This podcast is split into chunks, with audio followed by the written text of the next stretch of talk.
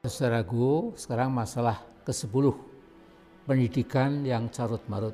Di antara berbagai sektor kehidupan nasional, barangkali sektor pendidikan adalah yang paling penting dan menentukan masa depan bangsa Indonesia. Sampai ada yang menyatakan pendidikan itu sejatinya ya senjata yang diam, silent weapon yang punya tenaga untuk mengangkat derajat bangsa Indonesia, kejajaran yang terhormat di kalangan bangsa-bangsa modern sekarang ini. Tetapi kalau salah strategi malah bisa membawa aib internasional. Secara sangat elementer bisa dikatakan bahwa setiap bangsa baik yang sudah maju maupun yang masih terbelakang ditentukan oleh sejauh mana bangsa itu mengelola sumber daya alamnya yaitu natural resources, sumber daya manusianya, human resources, dan sumber daya kapital atau permodalannya yaitu capital resources. Nah, berhasil atau tidaknya ketika sumber itu dikelola dengan baik atau tidak sepenuhnya ditentukan oleh kualitas pendidikan yang dimiliki bangsa bersangkutan di Indonesia sumber daya alam baik yang terbarukan renewable maupun yang tidak terbarukan non renewable ditentukan sekali lagi oleh mutu pendidikan nasional Indonesia. Dalam kaitan inilah kita menyaksikan dengan prihatin dan segenap concern kita bahwa telah terjadi penurunan kualitas pendidikan kita dari waktu ke waktu di zaman Presiden Joko Widodo, carut marut pendidikan justru mengalami kemerosotan yang paling dalam dibandingkan dengan masa presiden-presiden sebelumnya. Kita bisa melihat hasil tes PISA, yaitu Program for International Student Assessment yang diselenggarakan oleh OECD, yaitu Organization for Economic Cooperation and Development pada 2018 yang diuji itu di bidang pengetahuan dan keterampilan usia 15 tahun di bidang matematika, sains, dan reading. Hasilnya Indonesia selalu di urutan bawah. Untuk matematika Indonesia berada di urutan nomor 7 paling bawah dari 79 negara. Kemampuan dan mencerna bacaan atau reading Indonesia mendapat skor 371 menurun dibandingkan tahun 2015 yang masih mendapatkan skor 391. Padahal skor rata-rata negara-negara yang tergabung dalam OECD adalah 487. Perhatikan jarak 126 poin di bawah rata-rata. Sedangkan di bidang sains, lagi-lagi Indonesia berada di urutan 9 dari bawah. Artinya kita berada jauh di bawah pencapaian Malaysia, Vietnam, Brunei Darussalam, Thailand, apalagi Singapura. Bahkan menurut penelitian JPPI, Jurnal Penelitian Pendidikan Indonesia, dari berbagai indikator dalam survei yang mencakup pengelolaan pendidikan, keterjangkauan, aksesibilitas, akseptabilitas, dan adaptabilitas Indonesia hanya memperoleh skor 77 persen sama dengan Honduras dan Nigeria dan di bawah Filipina yang 81 persen dan Ethiopia 79 persen.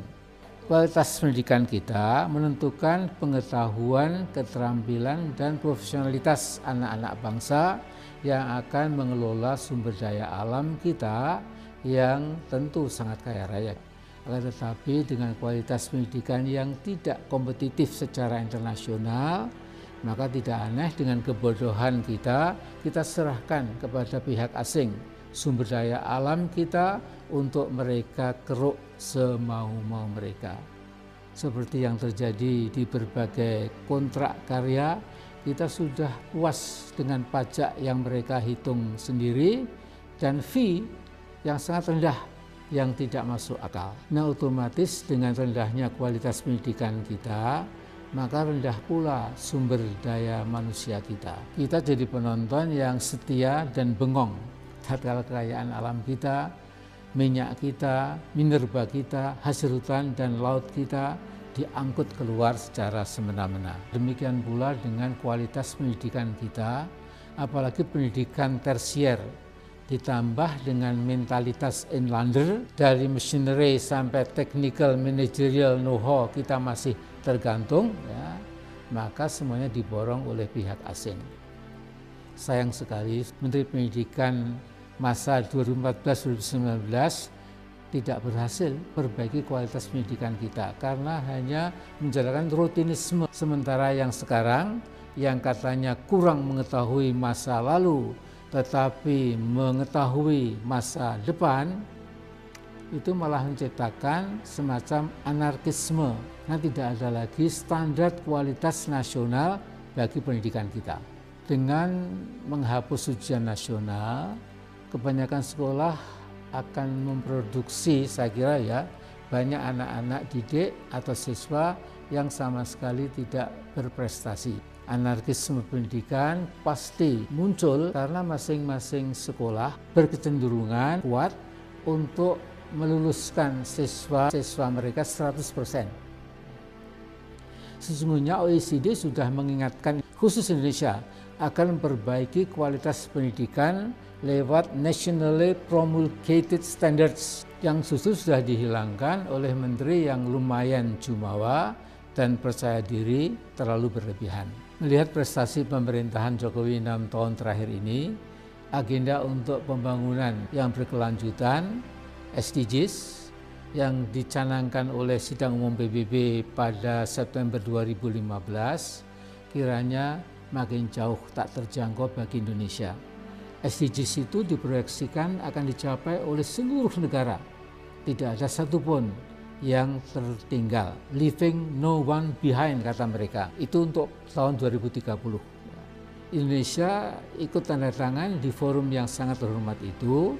Artinya kita akan mengikuti komitmen internasional 17 SDGs itu antara lain tidak ada lagi kemiskinan, no poverty, tidak ada lagi kelaparan, no hunger, pendidikan berkualitas, air bersih dan sanitas yang berkecukupan, ketersediaan lapangan kerja, dan ekonomi yang terus tumbuh, energi bersih yang terbeli, kemudian juga industri, inovasi, dan lain sebagainya.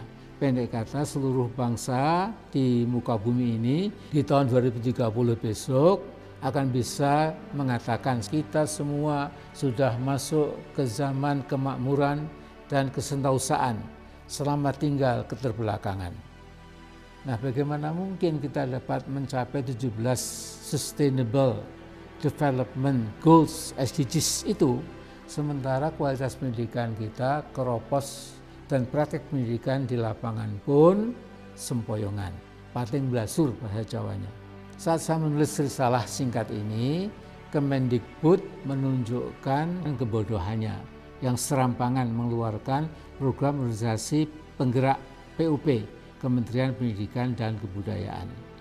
Dalam PUP itu calon penerima bantuan dibagi dalam tiga jenis yaitu gajah, macan, dan kijang.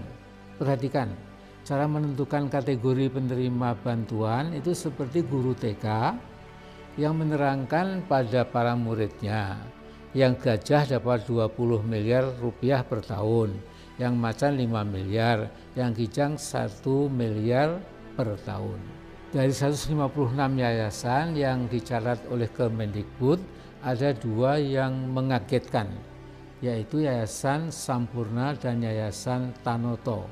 Masyarakat pendidikan marah besar pada daftar program organisasi penggerak itu bisa-bisanya dan tega-teganya Sampurna dan Tanoto masuk dalam 156 yayasan yang akan dibantu oleh Kemendikbud. Namun kenyataan ini membuktikan memang sudah tidak ada lagi bidang kehidupan nasional yang tidak diintervensi, didominasi, dan dieksploitasi oleh unsur-unsur MTC seperti sudah saya terangkan di depan. Kita semua bangga dengan Muhammadiyah, NU, dan PGRI yang segera mundur dari dagelan mereka itu. Kita bangga karena masih ada sekelompok anak bangsa yang tidak bersedia diajak masuk ke pusaran permainan politik yang penuh risiko. Siapa tahu pada pergantian rezim mendatang setiap permainan politik yang beraroma korupsi akan dibongkar. Ketiga kelompok yang cabut diri itu adalah yang paling paham sejarah dan dunia pendidikan nasional dari masa ke masa. Bravo. Sesungguhnya kritik pedas pada Kemendikbud sudah disampaikan oleh banyak pihak. Misalnya Azumardi Azra, tokoh yang sangat paham dengan dunia pendidikan, memberikan rapor merah untuk sang menteri. Sementara Direktur Eksekutif Indobarometer, yaitu Muhammad Kodari, menyebut menteri itu sebagai menteri abuleke dalam bahasa Sabarua berarti menteri yang suka membual atau berbohong. Sebaiknya kritik pedas seperti di atas ditanggapi dengan tenang dan bijak. Jangan membela diri dengan merendahkan para pengkritiknya. Misalnya yang tidak suka pada kebijakan saya pasti tidak nyaman dengan perubahan. Jadi perlu diingat dunia pendidikan berbeda sama sekali dengan dunia pergojekan ya Mas Nadim sesungguhnya Undang Dasar 1945 dalam bab 12 pendidikan dan kebudayaan telah menetapkan dengan jelas dalam pasal 31 ayat 2 dan ayat 3 bahwa ayat 2 pemerintah mengusahakan dan menyelenggarakan satu sistem pendidikan dan pengajaran secara nasional dengan mengedepankan budi pekerti dan karakter bangsa dalam rangka mencerdaskan kehidupan bangsa sesuai dengan nilai-nilai Pancasila yang diatur dengan undang-undang. Ayat 3, pemerintah memajukan ilmu pengetahuan dan teknologi dengan menjunjung tinggi nilai-nilai agama dan persatuan bangsa untuk kemajuan peradaban, serta kesejahteraan umat manusia. Andai kata pemerintah Jokowi dan para menterinya benar-benar membaca, meresapi, dan menghayati UUD 45, termasuk pasal 31 UUD 45, tidak mungkin muncul program POP yang menyedihkan itu. Jangan-jangan program buruk itu hanyalah sebuah gunung es yang mengindikasikan Pancasila memang sudah seharusnya diganti dengan gotong royong. Sementara agama dianggap sudah kuno dan ketinggalan zaman.